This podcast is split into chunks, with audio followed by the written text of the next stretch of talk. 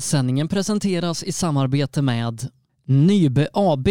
Med bas i Småland är vi verksamma i södra Sverige med byggentreprenad för såväl stora som små projekt, för industrier, större fastigheter och villor.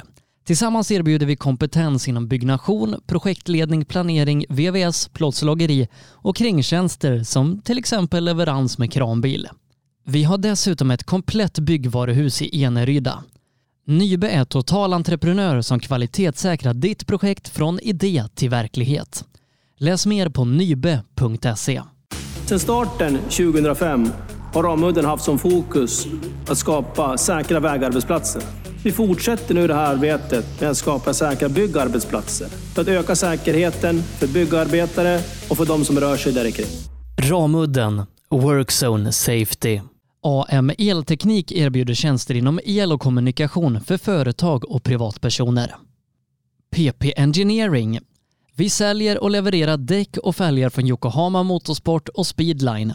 Vi är specialiserade på tävlingsdäck för rally och racingverksamhet, men erbjuder även fälgar för lastbilar och däck till din historiska personbil. Alla våra produkter är framtagna för hög prestanda. Läs mer på ppengineering.se. MP5 Sweden erbjuder tjänster inom prototyptillverkning, fixturtillverkning, produktion och smide. På hemsidan MP5 Sweden AB kan du läsa mer om MP5 och vår verksamhet. Appelskogsbil är din Peugeot-återförsäljare i Linköping. Vi har även verkstad och ett stort antal begagnade bilar i lager. Kom och besök oss på Attorpsgatan 1 i Linköping eller besök hemsidan appelskogsbil.se. Mina damer och herrar, hjärtligt välkomna ska ni vara hit till våran livepodd på Rally Lives Facebook-sida och SBF Play. Som vanligt så är det jag, Sebastian Borgert, som finns med dig härifrån studion och under coronatider pratar rally och bilsport för att någonstans kunna samlas kring våran kära sport trots att vi inte kan vara ute på banorna och i skogarna som vi normalt sett brukar. Och de här poddarna hade inte gått att göra utan de fantastiska sponsorer som är med och gör det här möjligt. Jag vill rikta ett stort tack till Nybe AB, Ramudden, AM Elteknik, MP5 Sweden, PP Engineering Yokohama och Appelskogsbil. Utan de här fantastiska sponsorerna så hade det inte varit möjligt att vara med här på måndagar och ja, snacka rally och bilsport på Facebook. Den här veckan har vi ett fantastiskt program framför oss. Vi ska nämligen inleda med att prata med Colin Clark. I över 15 år så har han rest runt med VRC-cirkusen och i både radio och tv rapporterat direkt ifrån sträckmålen. Han finns med oss via Skype här idag och vi ska alldeles strax ta och ringa upp Colin. Förutom Colin ska vi den här veckan prata med Fredrik Olin, en fantastiskt duktig rallyförare härifrån Sverige som under 2010-talet varit en av eh, många svenskar som varit ute i VM, EM och också tävlat i brittiska mästerskapet. Och tidigare här eh, i helgen tror jag det var så fick vi besked om att Fredrik nu väljer att lägga hjälmen på hyllan. Ehm, han ska få berätta mer om det här beslutet och också få blicka tillbaka lite på sin karriär eh, om en liten stund. Men allra först så ska vi ta och ringa upp Colin Clark som sagt, eh, som jag tror att många känner igen ifrån VRC och har både sett och hört honom i många sammanhang.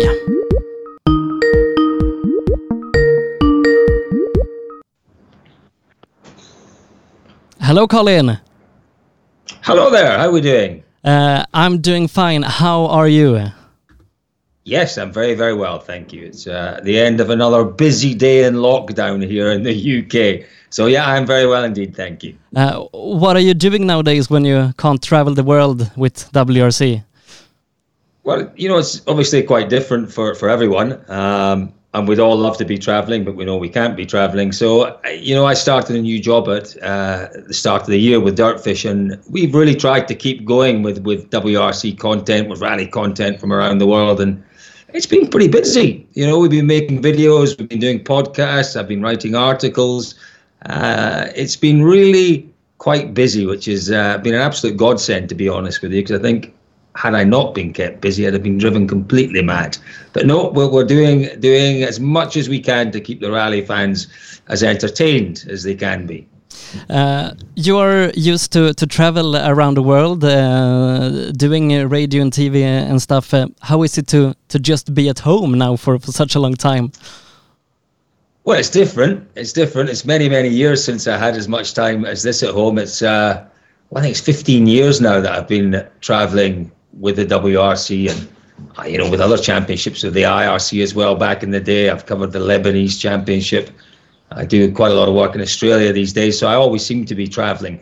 Uh, and it's different, but you know what? It's quite pleasant. We, we've had seven weeks now at home. Uh, six of those weeks, the weather's been lovely. The kids have been off school, so I've spent quite a bit of time with the kids, quite a bit of time outdoors, getting some fresh air. It's it's actually been really quite good for the soul, to be honest with you. Uh, I've enjoyed it. I've missed the rallies. I've missed some really big events. I was supposed to be in Tasmania for Targa Tasmania last week. Um, missed some big events, but there we go. They'll be back next year, fingers crossed. Uh, I like to start uh, talking about how did you get into to rallying and, and reporting from rallying? Well, you know, it was actually nearly 20 years ago that I got into rallying, but not as a reporter. I started off when I was uh, in marketing. I worked in marketing and sponsorship and promotions for a, a big tobacco company, and we sponsored um, a rally team. We sponsored the Subaru World Rally team. So uh, I was in charge of that sponsorship in the UK and, and got into it that way, to be honest with you. I had uh, three years from 2002, three, 2004, where we were involved with Subaru. Uh, and um, and then for various reasons, the British government banned tobacco sponsorship, and and I left the tobacco company. Um, took about I don't know a year or eighteen months or so off, and then thought, no, I want to do something in rallying. And I was just very lucky. I, I went along to rally Cyprus, I think it was in 2005, to to do something completely different. Uh, ended up doing a favour for the guy who worked or who ran the, the radio station at the time. Really enjoyed what I did. Uh, he seemed to think I was half decent at it. So uh, from then on, we, we worked together and it was a lot of fun, and that's where it started. So really, very, very lucky to, to get the break, to get involved in the media side of it. Never planned to be in media at all. My, my profession is marketing.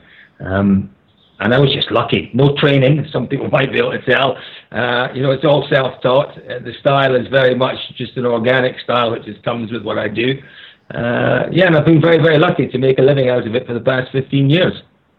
Uh, but uh, how did you get like the passion for rally? Because when you, I listen to you and when I, I see you on TV, I see there's a, a big passion for rallying. And yeah. when did that grow up?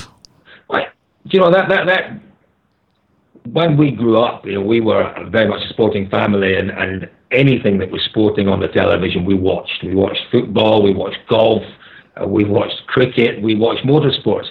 So, you know, we didn't have a huge amount of rallying on the television in the UK, but, you know, I remember uh, in the 80s we used to get the odd rally report. So, uh, you know, I knew what rallying was and I enjoyed watching it, but I wasn't a rally fan until until we got involved again with Subaru in 2002 uh, when I was with a tobacco company, and it was it was it was a deal that, if you remember, in 2001, the end of 2001, British American Racing in Formula One They'd spent an awful lot of money, company that I worked for, uh, three years with British American Racing, and they really hadn't won very much. They won nothing, in fact. Uh, and they wanted David Richards from ProDrive to run BAR for them. And Richards agreed that he would run BAR, British American Racing. I remember with the Lucky Strike livery on it. Um, but just before Christmas, he went out to dinner, the story goes, with the marketing director from, from British American Tobacco and uh, mentioned that Philip Morris, who were British American Tobacco's biggest, biggest rivals, were interested in sponsoring the rally team. Uh, so a deal was done there and then to sponsor the rally team again. Remember, Everyone remembers the great days of Subaru 555 uh, with Colin McRae. Um, but we came back again in 2002. That, that dinner they had was something like December the 12th. I got the phone call on December the 14th. We're back on the side of the Subarus. We're launching in Monte Carlo. Make it happen. Uh, so Monte Carlo in 2002 was my first rally as part of that sponsorship deal. And, you know, my very first experience of a rally car was from a helicopter on the Turini. And it doesn't get any better than that. And from that moment, um, you know, I knew I knew this was a bit special, uh, and I knew it was something that uh, you know, that I, I was quite likely to get very passionate about, and the passion just grew, you know, from the, the, the involvement on the corporate side with the sponsorship, and then clearly um, with the, the media side of it. Uh, it's just it's just a great sport. It's a sport that you know, it's a sport full of good people, good, honest, hard-working people. Uh, you know, in terms of the motorsport, it is for me. You know, they are the bravest of motorsport exponents. Uh, they're they're driving in the most difficult of conditions. The cars are the most exciting cars in motorsport. It, you know, it just all combines to to make it just quite intoxicating. And, and as you say, you know, I, I do have a passion for it, and the passion is still there. You know, nearly 20 years later, the passion is maybe even stronger than ever for it. Uh, the years uh, at the stations, uh, you have been through a lot. Um, what moments are, are, you proudest and, and happiest to to being part of? Uh, you know, there were lots. There really were lots, and and the stage end. Okay, I, am no longer at the stage ends. Um, and it took a, a fantastic opportunity with Dirtfish to drag me away from the stage ends. But you know, the stage end is a special place, and you know the the atmosphere at stage ends is just incredible. Um, you know, you're getting the opportunity to talk to the drivers within seconds of them coming out of the stages. It doesn't happen really in any other form of motorsport. Um, so there have been lots of great moments. Probably the best was maybe 2000 and I want to say seven or eight. Uh, 2008, maybe nine actually. Um, the first year we went to Strasbourg for Rally de France, and Sebastian Loeb, the final stage, the power stage, was around the streets of his hometown, Haguenau. and the stop line for the power stage was outside the town hall in Haguenau. It was typically French. It was a beautiful town hall, beautiful square in front of it, and the place was rammed with people. And Loeb came through. I can't remember whether he won that rally or not, but he came through to take the title, and it was his sixth title, I think, as world champion.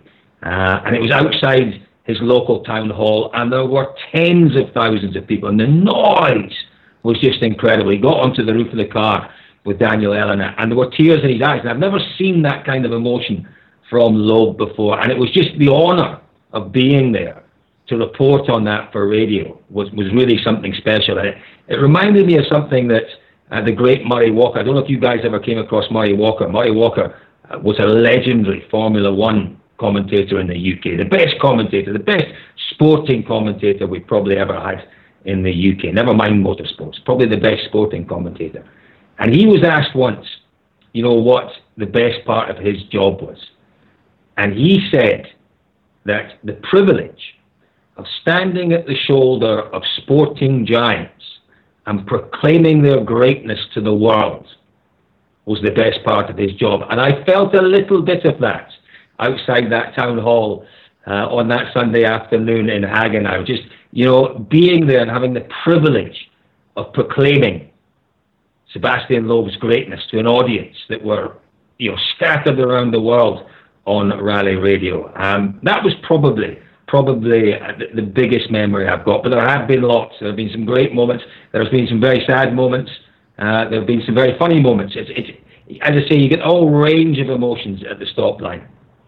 Uh, in in 2017 we we had this exciting season where where Sebastian Ogier went to to M Sport and, won the championship. And if I remember correct you you were at the stop line uh, in Wales uh, mm. where, where, Evans won his first event uh, with M Sport and Ford. Uh, Tänak sealed the, the constructor championship for them and and then Ogier won his sixth title.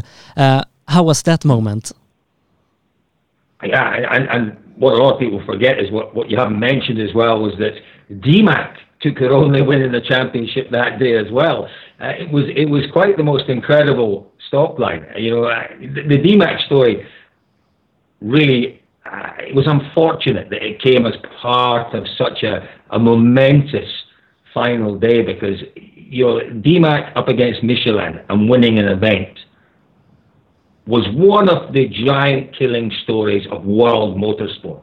You know, DMACK, tiny little company, really in their infancy, still a very young company, taking on the might of Michelin and beating them on Wales Rally GB. But as you say, had a lot to contend with. The manufacturer's title for M Sport, the first driver's title for M Sport, Elfyn Evans' first win. And it all came in, I think, about a 35, 40 minute period. And again, you know, it was, it was a lovely sunny winter's afternoon. Uh, and there was a massive crowd there. The noise, the, the atmosphere, the singing, the flags. Yeah, it was, it was very, very special indeed. Uh, and uh, again, a privilege, an absolute privilege to be able to stand. And that's something I never forgot about being at the stop line, is that it's, it's, it's a privilege, it's an honour, uh, and you are very, very, very fortunate if you get the opportunity to wield a mic at a stop line. And I never, ever, ever forgot that. Um, you know, once you do take that for granted, once you start forgetting how lucky you are to be doing that kind of job, then you're on a slippery slope in the wrong direction, sadly. But, but I never did, and you're quite right to, to point that out. It was one one of the, the great stop lines of world rallying. Uh, my picture is that uh, there was a lot of excitement and, and, commitment among the radio listeners, and, and I remember myself staying up all night listening to, to Rally Australia here in in uh, in Sweden. Yeah. Um, uh, what what do you think, and what do you remember about the engagement from the radio listeners? Yeah, you know, it was it was special, wasn't it? You know, and, and what we have to remember is that up until a few years ago, in the days before all live, radio was really the only way to follow rallying. Uh, and yeah, you know, it, it, was just a very, very special experience, something that shouldn't really have worked because we didn't know an awful lot about what was going on in the stages, but we could keep people entertained and excited. That's what we never lost sight of the fact that it had to be entertaining. When you're on air for 10 or 12 hours a day, when you're doing six, eight, sometimes nine stages a day, you know, people tune in to be entertained. You know, they'll be working, they'll be uh, pottering around the house, cleaning, whatever they're doing, they've got their earphones in and they're listening and they want to be entertained. And, you know, they want to be entertained by people who they respect as well. And, and they want to hear respected opinions and views. And what we tried to do is we tried to mix what we knew, which were the times, the splits, the conditions, the roads, the weather. We tried to mix that with informed speculation about what might be going on. Uh, and it was about building drama and building stories. Uh, and then, you know, when the drivers got there, when they didn't get the stop line, or when the next driver gets the stop line, it's about informing people and telling them what's happened. Uh, you know, in the old days before radio, you'd have to wait two, three hours to find out sometimes what had happened to drivers in stages. So we knew it was about keeping people entertained, building up the suspense, building up the drama, but most importantly, it was about telling people what was going on and, and doing all of those things in a respected and informed manner. And yeah, it was it was great fun. I, I often said that you know we were the lucky ones. We were the ones that got paid to go around the world. And, and again, you know, people would sit in like yourself, sit up all night, and it was our duty to make you while you're sitting at home in is it Norway or is it Sweden? Where Sweden. Sweden. Sweden. Um, yeah, while you're sitting home in Sweden, it was up to us to take you there, to give you a little bit of the, uh, you know, the flavour of the atmosphere of the stop line, of the stages, of the little towns, little villages, of the people that we were lucky to meet, the marshals. Um, you know, it was up to us to be able to, uh, you know, to take you there with us. We took you all along with us to the stop lines and, and tried to entertain. And do you know what? you know, radio radio went from being very niche, if you like, and really quite a difficult and challenging product um, logistically to something that you know when it, when it was when it was binned um, was actually more popular than ever. You know, when we started, you know, radio, internet radio was very much in its infancy. Uh, people had mobile phones and people had internet access on their mobile phones, but it was expensive. Not everyone had it. Then the iPhones came along, smartphones came along, data packages uh, came along, and people could afford to sit and listen for hours on their telephone to the radio. And there was an explosion in in audio consumption, podcasts, radio, uh, and it still continues to grow you know, demand for podcasts, the demand for radio continues to grow. And we don't have radio from the World Rally Championship anymore in any form. In any form. You know, when we stopped, they then started sending out the audio feed of all live as radio.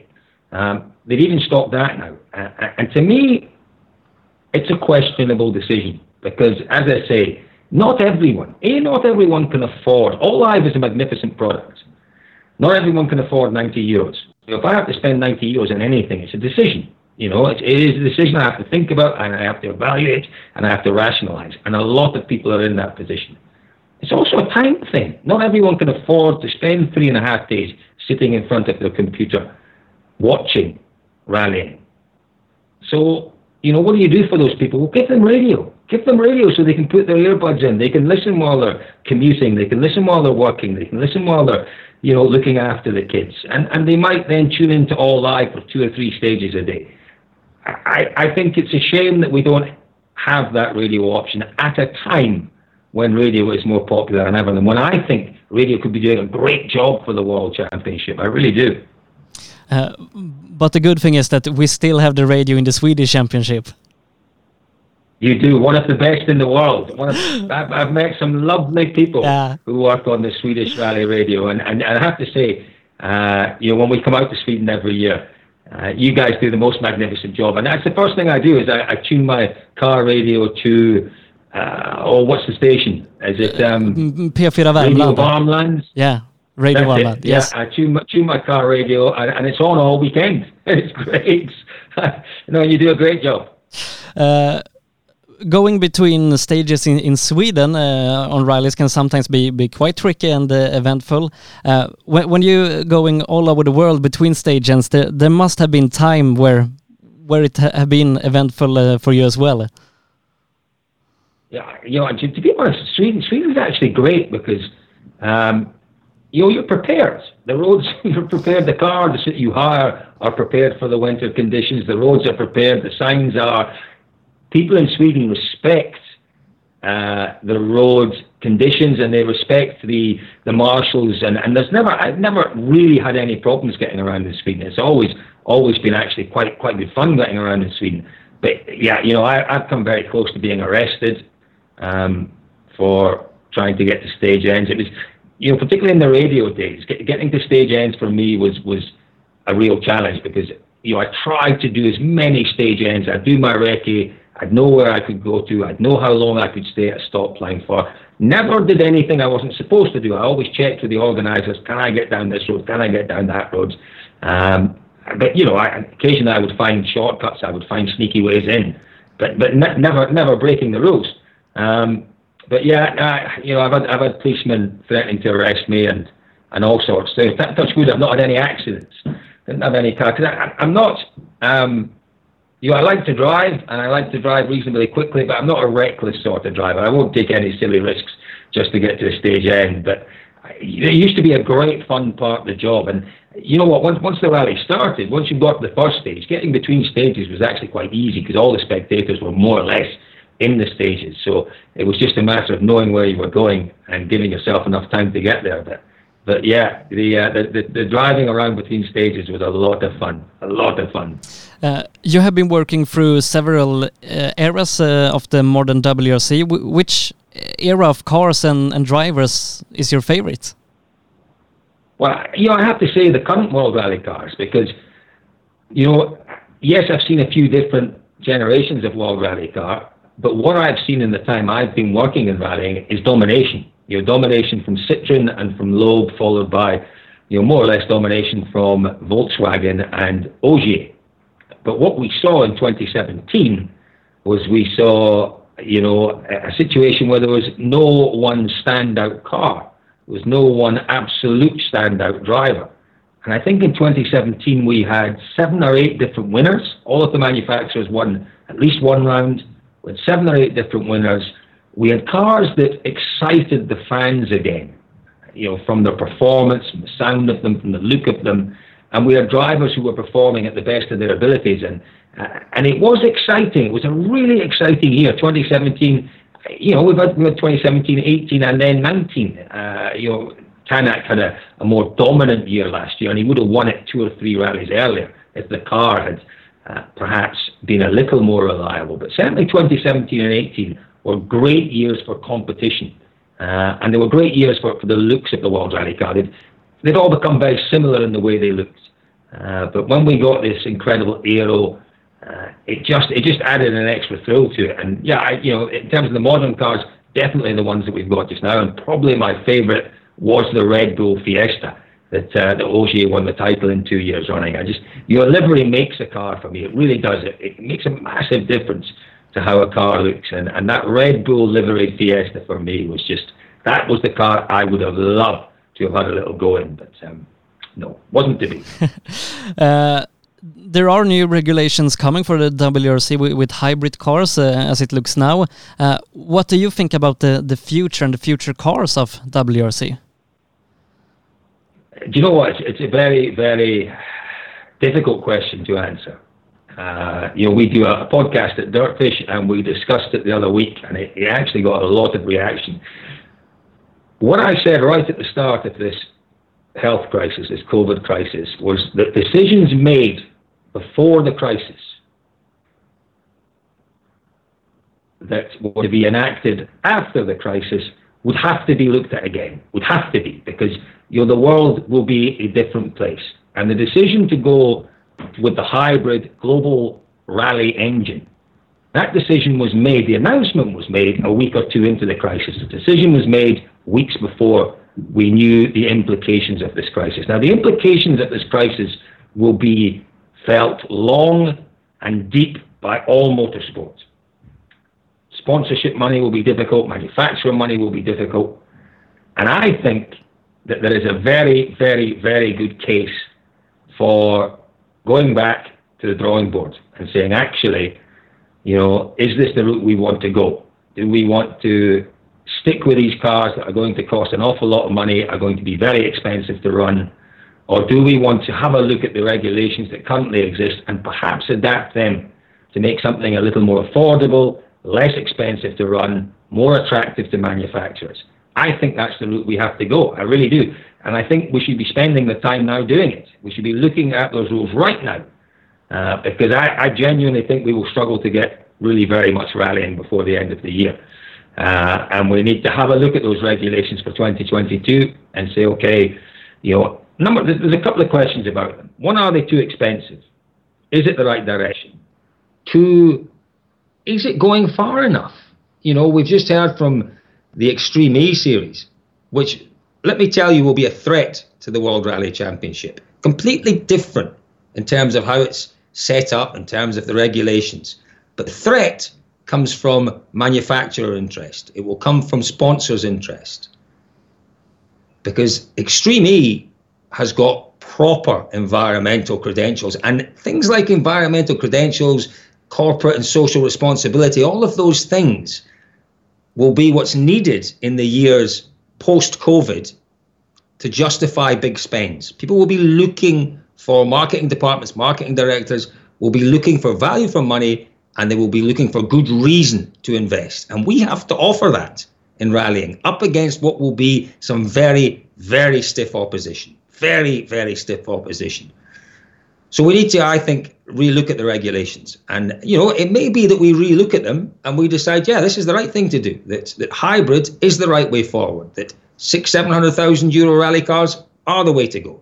We don't need privateers in this championship anymore. They might decide that is correct. My view is that is not correct, but they might decide that's correct. Um, but whatever way they decide to go, what I would implore them to do is to put aside the decisions that have been made before the crisis and have a look at it again with the crisis in mind. And just you know either stick with the decisions they've made and say yeah validate them. Yes they are the correct decisions.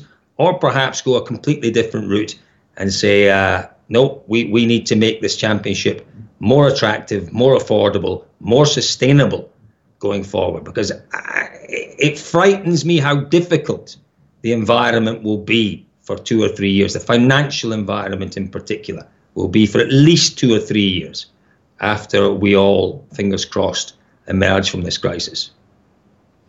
Uh, Swedish drivers uh, have been doing very well in the lower categories of WRC, but there was a long time since we, we had a Swede established in the top category. Uh, why do you think uh, Swedes have been struggling despite being good in the junior WRC and, and winning WRC2, uh, even? Yeah, it's a difficult question to answer, isn't it? Um, yeah, you're right. None of them have really made that step forward. We've had Swedish Junior World Rally champion. Did Sandell, Patrik Sandell won the Junior Championship, didn't he? Yeah, uh, and uh, PG Andersson two times, Emil Bergqvist. PG Andersson, yeah, and, and PG Andersson got a bit of an opportunity with uh, with Suzuki, didn't he? Um, that didn't unfortunately last. He had a few other outings. You know what? It's a difficult one. You Sweden's a small nation. It's the same as Scotland, isn't it? Uh, and to the problem is that you've you've enjoyed success in the past, much like Scotland, and then you demand success in the future, uh, and it's difficult. It's really difficult. You're rallying is a combination of things. It's talent, it's opportunity, it's budget. Uh, and there are plenty of talented kids, kids coming out of Sweden just now, but are they getting the opportunity? Do they have the budget? Uh, you know, that's very often the stumbling block. You know, the budget to actually to step up to the next level. We've seen plenty of young drivers getting one or two rounds in R5 cars or four or five rounds in an R5 car, the odd round in a WRC car, Pontus Tidemand, for example. Um, you know, but that's that's that's really for me that's that's pretty pointless. You know, to have two or three rounds in a World Rally car, you've got to have six, seven, or eight at least to actually give yourself the opportunity to to show what you can do. Uh, and we've not really seen that, have we, from Sweden? We've not seen any of these juniors securing the budget to move forward uh, into a decent run in a World Rally car. And you know, it's it's it's circumstances, it's timing, it's all of those things. It's not a lack of talent. I don't think it's a lack of planning from the from the authorities, from the motorsport authorities. Um, it, it is just it is just opportunity, and sometimes you know the drivers are there, the opportunity isn't there. Sometimes the drivers are there, the budget is there, but the talent's not quite there. It's all of those things coming together, uh, and with with the greats of the past you know, they did come together and we did see some greatness coming out of Sweden. We saw some greatness coming out of Scotland in the past. And it will come again. But we're impatient. You know, we want to see uh, our drivers competing at the top. And th- this goes back a little bit to what I'm saying about these. Excuse me, that's my dog. Oops, she, oh, she's okay. She all right? Yep, yep. Sorry about that. It's my dog in the background. Um, you know, the current World Rally cars are so expensive to run that it is almost impossible for privateers and for drivers graduating from the juniors unless they have a tie-in with a manufacturer. It's almost impossible for them to put together a budget to compete in a suitable number of rounds to show their talent. You know, that won't change with the 2022 regulations. It really won't, because as they currently stand, uh, it's still going to be mighty expensive. And it's another reason why we might want to have a look at perhaps coming up with a better value for money formula.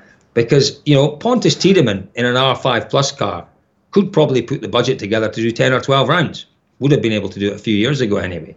Uh, you know, we'll go to Argentina and, you know, the young Argentinian drivers will be able to put budget together to at least do the South American rounds. We'll go to Australia and it's so important with the World Rally Championship that we see local interest in our local events. You know, Rally Sweden with a Swedish driver in the top car is always going to be hugely popular. Rally Argentina with an Argentinian or a Chilean or a Peruvian in a World Rally car or the top level car is so much more exciting. The same with Australia, with all of these places that we go to. Um, so yeah, in terms of opportunity, you know, we need to think about that. But in terms of Sweden, Swedish youngsters, your time will come. There is enough talent there. At some point, everything will align talent, opportunity, budget, and you'll find you've got a young driver who explodes onto the scene. And fingers crossed, it won't be too long till we see a Swede winning again in the World Championship. Uh, when do you think the championship will restart again? It's an impossible question. It's an impossible question. No one knows. Everyone's got an opinion. No one knows. No one knows. You know, the next round supposedly is Safari. Write that one off. That's not going to happen, from what we understand. After that, Rally Finland. Does it look? You know, we're talking about a decision now in early July, four weeks before the event's due to run. Um, will the Swedish authority, uh, sorry, the Finnish uh, Rally Finland, will the Finnish authorities allow a gathering of, of that number of people. Who knows? You know, what we've got in the UK is we've got, and they haven't quite introduced it, they're about to introduce it, a quarantine period for people coming into the UK. That has a massive effect on British based, particularly M Sport, but then media and logistics companies and all the rest, a massive effect on what they can and can't do in Europe. Um, you, will that be introduced by other countries? Will they introduce two week quarantine periods? Uh, I don't know. For me, for me, Rally Turkey. If we're going to say which one is is, if I had to put money on when we might return, it would be Rally Turkey. I think that's a possibility, but just an outside possibility. Because as I say, you know, uh, if if we're going from the UK to Rally Turkey, and then we have to have a two week quarantine period when we come back to the UK, it's got a huge effect on on on on how the whole circus operates. Um, but my view is we'll be lucky to get three more rounds this year. We'll be very lucky to get three more rounds. If we get three more rounds, do we have a championship? Well, we're waiting to hear from the FIA. We don't know. There's nothing in the rules that actually stipulate a minimum number of rounds to validate a championship. So we've got to wait for the FIA to tell us that. But I think we will we will be lucky to get three more rounds, and my money is on Turkey, perhaps being the first of those three. Uh, Colin, we, we're going to, to round up, uh, but if uh, the guys uh, watching this want to, to follow you and, and, what you do nowadays, where can you find it? Mm. Oh, that would be very kind of them. We, we always like to see new people join us. Dirtfish.com is where you'll find myself, David Evans, and a whole host of very passionate rally people. But if you're on Twitter, Voice of Rally, um, if you're on Instagram, Colin Clark Rally, and I have a Facebook page as well, which is also Colin Clark Rally. But as I say, dirtfish.com is the place to go for all your rally news and views and gossip and all the rest. Colin, uh, huge thanks uh, for for taking the time to, to talk to us this evening, and, and hopefully we will see each other soon out on the rallies again. Well, I'm very much looking forward to that. And thank you very much for having me along. It's been an absolute pleasure. Thank you. Thank you. Good night. Good night. Mina damer och herrar, där hade vi som sagt med Colin Clark, ehm, journalist, radiopratare, ja allt sånt där sedan 15 år tillbaka i VM-cirkusen. Eh, oerhört roligt att få prata med honom här i podden. Vi ska om en stund ta och ringa upp Fredrik Olin som eh, under de senaste tio åren varit en av de hetaste svenska namnen ute i rallycirkusen, tävlat i VM, EM, brittiska mästerskapet och mycket framgång på hemmaplan. Nu har Fredrik meddelat att eh, hjälmen ska läggas upp på hyllan och han ska få berätta mer om det alldeles strax. Sändningen presenteras i samarbete med Nybe AB. Med bas i Småland är vi verksamma i södra Sverige med byggentreprenad för såväl stora som små projekt, för industrier, större fastigheter och villor. Tillsammans erbjuder vi kompetens inom byggnation, projektledning, planering, VVS, plåtslageri och kringtjänster som till exempel leverans med kranbil. Vi har dessutom ett komplett byggvaruhus i Eneryda. Nybe är totalentreprenör som kvalitetssäkrar ditt projekt från idé till verklighet. Läs mer på nybe.se. Sedan starten 2005 har Ramudden haft som fokus att skapa säkra vägarbetsplatser. Vi fortsätter nu det här arbetet med att skapa säkra byggarbetsplatser för att öka säkerheten för byggarbetare och för de som rör sig där kring. Ramudden Workzone Safety. AM Elteknik erbjuder tjänster inom el och kommunikation för företag och privatpersoner.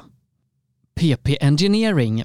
Vi säljer och levererar däck och fälgar från Yokohama Motorsport och Speedline. Vi är specialiserade på tävlingsdäck för rally och racingverksamhet, men erbjuder även fälgar för lastbilar och däck till din historiska personbil. Alla våra produkter är framtagna för hög prestanda. Läs mer på ppengineering.se. MP5 Sweden erbjuder tjänster inom prototyptillverkning, fixturtillverkning, produktion och smide. På hemsidan MP5 Sweden AB kan du läsa mer om MP5 och vår verksamhet. Appelskogsbil är din Peugeot-återförsäljare i Linköping. Vi har även verkstad och ett stort antal begagnade bilar i lager. Kom och besök oss på Attorpsgatan 1 i Linköping eller besök hemsidan appelskogsbil.se. Ja, mina damer och herrar, vi ska härnäst i vårt program prata med Fredrik Olin. Fredrik som under många år har varit en av våra främsta eh, förare på den internationella scenen, men som nu meddelat att eh, hjälmen ska läggas upp på hyllan. Eh, den senaste, för jag vill inte säga sista segern han tog, tog han i höstas i SM-finalen i Rally Blekinge. Och innan vi ringer upp Fredrik så ska vi ta och lyssna på ett klipp därifrån. Ja, det kändes bra att slå Ekström, men Fredrik Olin, det här var hans tävling. Att kunna köra ifrån både Mattias Ekström och Johan Kristoffersson så som han gjorde och inte minst på fredagskvällen. Det var tydligt att Fredriks rallyrutin vid liknande förutsättningar skulle komma att fälla avgörande. 47,4 sekunder redan när han gick och la sig på fredagskvällen. Ja, det säkrade en fin marginal inför lördagen.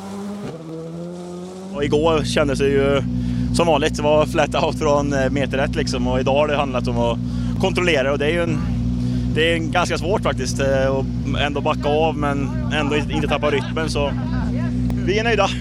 Ja, det ska du verkligen vara och fulla gratulationer av de riktigt tuffa konkurrenterna. Vi hoppas verkligen att Fredrik fortsätter köra rally. Ja, men tyvärr så verkar det inte bli eh, någon fortsättning på rallykarriären. Vi ska ta och ringa upp Fredrik Olin så får han själv ta och berätta mer om det här.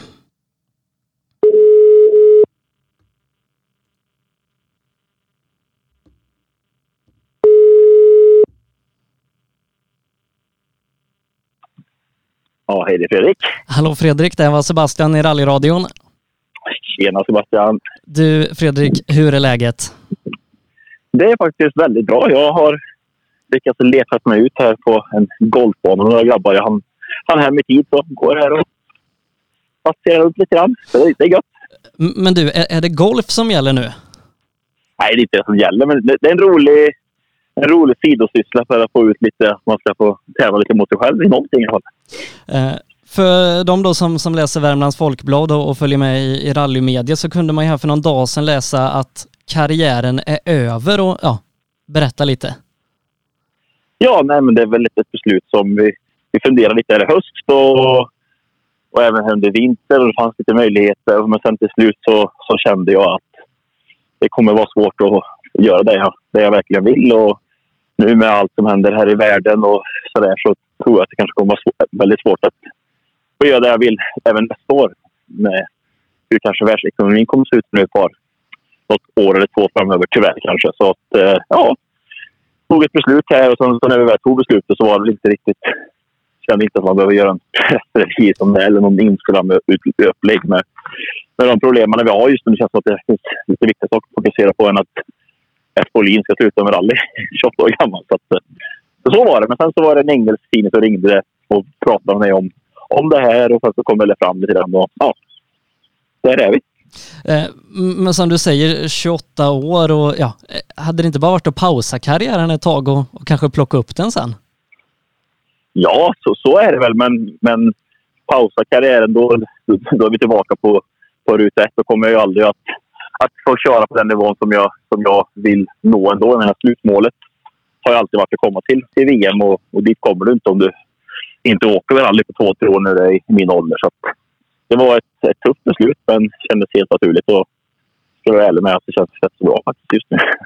Eh, när man blickar tillbaka på, på din karriär så började ju med, med ungdomsrally framgångsrikt och Subaru i bland annat SM och JVM ett par år och du har kört VM-tävlingar, EM, brittiska mästerskapet och en del SM här på slutet. Eh, är du nöjd när du blickar tillbaka som, som du ändå får göra nu? Ja, jag är absolut supernöjd med väldigt mycket. Sen så har det väl som för alla att jag studsat lite fel ibland och kanske inte alltid haft de, de förutsättningarna. Det är väl, det är väl det som har varit kanske det som man ångrar mest. Eller hur man ska uttrycka det. Att man kanske framförallt på slutet där jag kände att jag var riktigt het där, både 2017 och 2018 och aldrig hade, hade möjligheten att kanske få verkligen visa vad jag gick för de sista åren på grund av olika, olika anledningar. Så att, eh, ja, så är det väl. Men ja, jag är jättenöjd. Det har varit en, en jätterolig resa. Eh, du har ju gjort då eh, ett par säsonger i, i VMs eh, lägre klasser, framförallt junior-VM och det var ju ett par krascher där som väl ja, redan där fick du börja fundera på om, om det var värt att fortsätta med karriären. Ja, precis. Det var ju ett år där 2012 där man var, där man var ung och dum och inte riktigt hade förstått att det, att det räcker och, och kanske var två på de flesta sträckor för, att, för att vinna en tävling. Utan jag skulle vinna alla sträckor överallt, jämt och ständigt. Och det, vi vann ju mycket sträckor gjorde vi, men i kraschade mycket också. Så. det, det, är klart att hade man varit smartare då så kanske man hade kunnat fått med sig betydligt bättre resultat. Men det är väldigt lätt att säga. Det, erfarenhet kommer ju av att man kör och gör de här krascherna. Och, eh, det är väldigt många som har gått den vägen som, som jag gick med, att man kraschar sig till framgång och sen så kommer, kommer erfarenheten med åren. Då helt plötsligt så har man kvar speeden och är både väldigt snabb och stabil. Så att, eh, det är väl bara, bara en, lär, en lär, läroresa helt enkelt som man kanske får ta ibland helt enkelt. Eh, men de här åren i, i brittiska mästerskapet eh, var väl kanske, om man ska se över en hel serie, eh, bland de mest framgångsrika i, i din karriär och var snubblande nära på, på till och med vinna mästerskapet där något år. Eh, liksom, hur ser du tillbaka på, på de åren och, och vad du åstadkom där? Nej, men jag är jättenöjd. Alltså, 2016 där drogs vi väl iväg lite med att försöka och fightas lite för mycket med, med Elfin och, och tappade kanske helhetsbilden på att försöka få en bra slutresultat. Utan då var det, jag ville bara visa att jag, jag kan matcha Elfin på asfalt, jag kan matcha honom på grus och det gjorde vi ju. Um, och sen så blev det ju på asfalten så gjorde jag lite misstag. Men det, det är svårt när man kommer till England och Irland. Liksom, det, det är väldigt mycket luriga asfaltsträckor med olika greppnivåer och inte alls vad jag hade upplevt innan i min junior-VM-tid där man körde i Tyskland och Frankrike. Det var mer man säga, ärligt fäste på, om man ska uttrycka det så. Då. Och mindre regn framförallt. Men eh, som du säger, 2017, det, det är vi den säsongen är jag jättenöjd med. Jag menar, det, det är två tekniska fel på bilen eh, som gör att vi inte vinner den titeln. Om vi jämför med Cronin som tog sig igenom hela, hela året utan det. Och, ja, jag, vi var snabba på grus och vi var väldigt snabba på, på asfalten. Som sagt, det, det var en kylare och en, och en växellåda som satte stopp för det till slut. Så det är klart att det grämer lite. En poäng och en tiondel var det som fattades till slut för att vinna, vinna titeln. Men det, ja, det är ingenting som sagt som hade ändrat mitt liv nu ändå om man ska Det var kul att en titel men jag är fortfarande nöjd med, med hur jag körde det året. Eh, men tror du om du liksom hade tagit den poängen och, och vunnit mästerskapet, tror du att situationen hade sett annorlunda ut nu om, om man spekulerar? Nej, det, var, det är faktiskt någonting som jag pratar väldigt mycket om. Eh, att jag hade förmodligen inte gjort det. det, alltså det, det för att ta sig från där jag var till jag ville, då, då har varit framförallt som krävdes, det var budget och, och förutsättningar att kunna, kunna tävla på en hög nivå eh, med rätt förutsättningar. Och de hade nog kanske inte... Jag, jag, tror inte jag hade fått 4 miljoner mer till 2018 bara för att jag vann brittiska 2017 om jag ska vara helt ärlig. Så att, eh, det var oturligt, men eh, ja, det är som det Eh, vi, vi pratade nyss här då i, i podden med, med Colin Clark som, som du stött på under dina år ute i, i världen och vi pratade lite om det här med ja, när en svensk förare kommer upp dit som, som du och många andra haft målet och eh, han var mycket inne på det att eh, liksom när talangen har funnits där kanske budgeten inte har funnits där och så vidare. Vad, vad tror du krävs för att ja, du och, och många andra skulle tagit er hela vägen? Nej, men det är väl bara att titta på, på de som faktiskt gör kör VM idag eh, jämfört med, med oss. Eh, vi har några norskar som tog sig dit, Östberg och Andreas Mikkelsen. Och tar vi Finland så har vi ju Sunninen.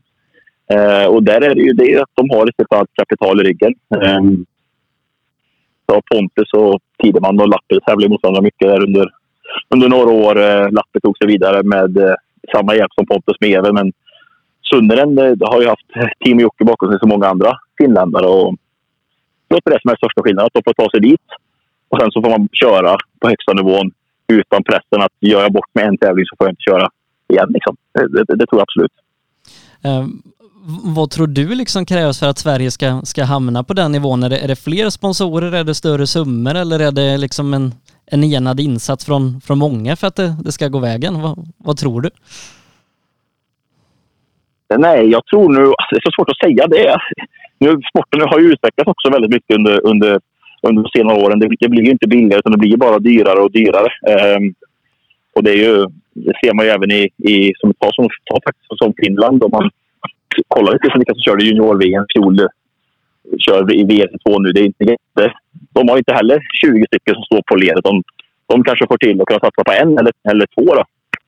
Um, det är väl det som är skillnaden, att de får fram någon. Att vi inte får fram någon på, på, på, på, på, på, på några år här nu. Men det är svårt. Jag är inte jätteinsatt i just det här. Det har ju så mycket mer bakom det här, bakomliggande faktorer. Det, med medialt och, och sådana här saker. Så att det, tyvärr, jag inte... Hade jag vetat det så hade jag kanske inte för att kort sammanfatta det. Eh, men eh, om man ser senaste året och, och tre starter i SM med, med segern i, i Blekinge där eh, och, och visar absolut att, att farten finns där för att kunna utmana de, de allra bästa svenska. Eh, fanns det någon tanke på att fortsätta och göra, göra SM i den ganska hårda konkurrens som är där idag? Det ska jag vara ärlig att det, gjorde. det, har, det har aldrig faktiskt funnits på, på min karta. Det har inte varit något som jag har varit jättefokuserad på eller intresserad av. Det är jättekul att åka SM och absolut missförstå mig att jag pratar bort vårt egen mästerskap. Det är jättehög nivå men det krävs fortfarande extremt mycket pengar för att åka en SM-säsong också. Och det krävs mycket jobb med sponsorer och det, det var väl just det som kanske jag tröttnade på. Och varför jag tog beslutet. Att eh, det har varit så många år där man har krigat och krigat för att få ihop de här pengarna och det har hela tiden legat, legat på, på hals, liksom på, på krivets ägg för att man ska få ihop det här. Och man har även skickat in jättemycket egna privata pengar. Man står och jobbar och jobbar och jobbar. Och det är knappt som man har, har råd att plocka ut en, en lön. Liksom. Och det, slut så kände jag att nej, nu måste jag faktiskt börja fokusera lite på att kanske ha, ha ett liv efter rallyåkningen också. Liksom. Ehm, men eh, du då i det du gör eh, utanför rallybilen och, och det som ja, hela din familj gör har ju kretsat mycket kring motorsport. Eh, kommer du vara kvar inom, inom motorsporten på, på något sätt eller är det, är det helt andra mål som ligger framför dig? Nej, alltså jag kommer ju alltid vara en motorsportnörd. Alltså det var som, som jag sa i den här intervjun i, i VF där att eh, jag är ju lika intresserad av att köra, eller köra, hålla och titta på rally och Formel 1 och det, min flickvän hon trodde väl att det skulle vara slut på, på rallyvideos på Youtube på, i sängen på kvällarna. Men det låter väl, det är väl mer än någonsin nu, tycker hon nästan. Så att det, det kommer finnas kvar. Men det enda som, som, som jag skulle kunna tänka mig är om det är någon, någon ung talang här i Sverige som har intresse av att eh, faktiskt få ha någon som är med och, och stöttar och hjälper till. Och då är jag absolut intresserad av att kunna vara med på den resan. Absolut. Eh, och, och, så kanske du kan göra som många andra och, och prova vad, vad rallyradio pratar någon gång också? Ja, men det, om, om inbjudan kommer så ska jag absolut ställa upp någon. Det, det skulle vara kul att få se, stå på andra sidan och se hur arg eller ledsen eller glad man kan vara på inne i bilen. Så absolut. Det skulle vara jättekul, jättekul möjlighet. Eh, Fredrik, det har varit jättekul att prata med dig även om, om beskedet som du, du lämnat är ganska tråkigt. Eh, eh, som sagt, inbjudan kommer att komma så, så får vi hoppas om att vi fram tills dess i alla fall kanske syns i någon högersväng någonstans. Tack så mycket du Sebastian och till alla ute i, i rallyradion. Så ja, det är en fantastisk sport vi håller på med men hoppas att vi kommer tillbaka och stå, som sagt, och stå i en högersväng snart igen och inte att det här corona drar ut för allt för mycket. Du Fredrik, ha en fortsatt bra kväll och, och tack för att du ville prata med oss. Tack du, ha det gott. Hej hej! Där pratade vi alltså med Fredrik Olin, eh, som sagt varit ute i VM, EM och inte minst brittiska mästerskapet med, med goda framgångar. Eh, men här tar resan slut och Fredrik berättade som sagt mer om det i intervjun. Eh, ett fantastiskt härligt program har vi haft idag där vi har haft förmånen att få prata med Colin Clark, eh, VRC-reporter och mycket annat under många, många år och så eh, ett lite tråkigare besked härifrån Fredrik på slutet. Nästa vecka klockan 19.00 då är vi tillbaka med våran livepodd här på Rally Lives Facebook-sida och i appen SBF Play Radio. Och nästa vecka har vi ett väldigt speciellt program laddat. För nästa vecka så kommer vi ha en exklusiv gäst, nämligen ingen mindre än Stig Blomqvist, rallyvärldsmästare 1984. Stig, han kommer vara med och prata igenom sin karriär från början tills där vi är idag. Eh, det här är ett program som du garanterat inte vill missa. Nästa vecka klockan 19.00 som sagt Stig Blomqvist med oss här i våran livepodd. Eh, hoppas som sagt att ni hänger med oss då. Eh, och ni vet väl att de här poddarna går att lyssna på också. Vi finns där poddar finns. Det är bara att söka upp Rally Live Podcast på Spotify, iTunes, Acast och ja, där du hittar poddar helt enkelt. Ehm, nästa vecka klockan 19.00 tillbaka och ett stort tack till våra sponsorer Nybe AB, Ramudden, AM Elteknik, MP5 Sweden, PP Engineering, Yokohama och Appelskogsbil. Utan de här sponsorerna hade de här programmen aldrig varit möjliga. Jag önskar er en fortsatt fin vecka och en riktigt härlig måndagkväll så hörs vi måndag 19.00 igen. Sändningen presenteras i samarbete med Nybe AB. Med bas i Småland är vi verksamma i södra Sverige med byggentreprenad för såväl stora som små projekt, för industrier, större fastigheter och villor. Tillsammans erbjuder vi kompetens inom byggnation, projektledning, planering, VVS, plåtslageri och kringtjänster som till exempel leverans med kranbil. Vi har dessutom ett komplett byggvaruhus i Eneryda. Nybe är totalentreprenör som kvalitetssäkrar ditt projekt från idé till verklighet. Läs mer på nybe.se. Sedan starten 2005 har Ramudden haft som fokus att skapa säkra vägarbetsplatser. Vi fortsätter nu det här arbetet med att skapa säkra byggarbetsplatser för att öka säkerheten för byggarbetare och för de som rör sig där kring. Ramudden Workzone Safety. AM Elteknik erbjuder tjänster inom el och kommunikation för företag och privatpersoner. PP Engineering. Vi säljer och levererar däck och fälgar från Yokohama Motorsport och Speedline. Vi är specialiserade på tävlingsdäck för rally och racingverksamhet, men erbjuder även fälgar för lastbilar och däck till din historiska personbil. Alla våra produkter är framtagna för hög prestanda. Läs mer på ppengineering.se. MP5 Sweden erbjuder tjänster inom prototyptillverkning, fixturtillverkning, produktion och smide. På hemsidan MP5 Sweden AB kan du läsa mer om MP5 och vår verksamhet. Appelskogsbil är din Peugeot-återförsäljare i Linköping. Vi har även verkstad och ett stort antal begagnade bilar i lager. Kom och besök oss på Attorpsgatan 1 i Linköping eller besök hemsidan appelskogsbil.se.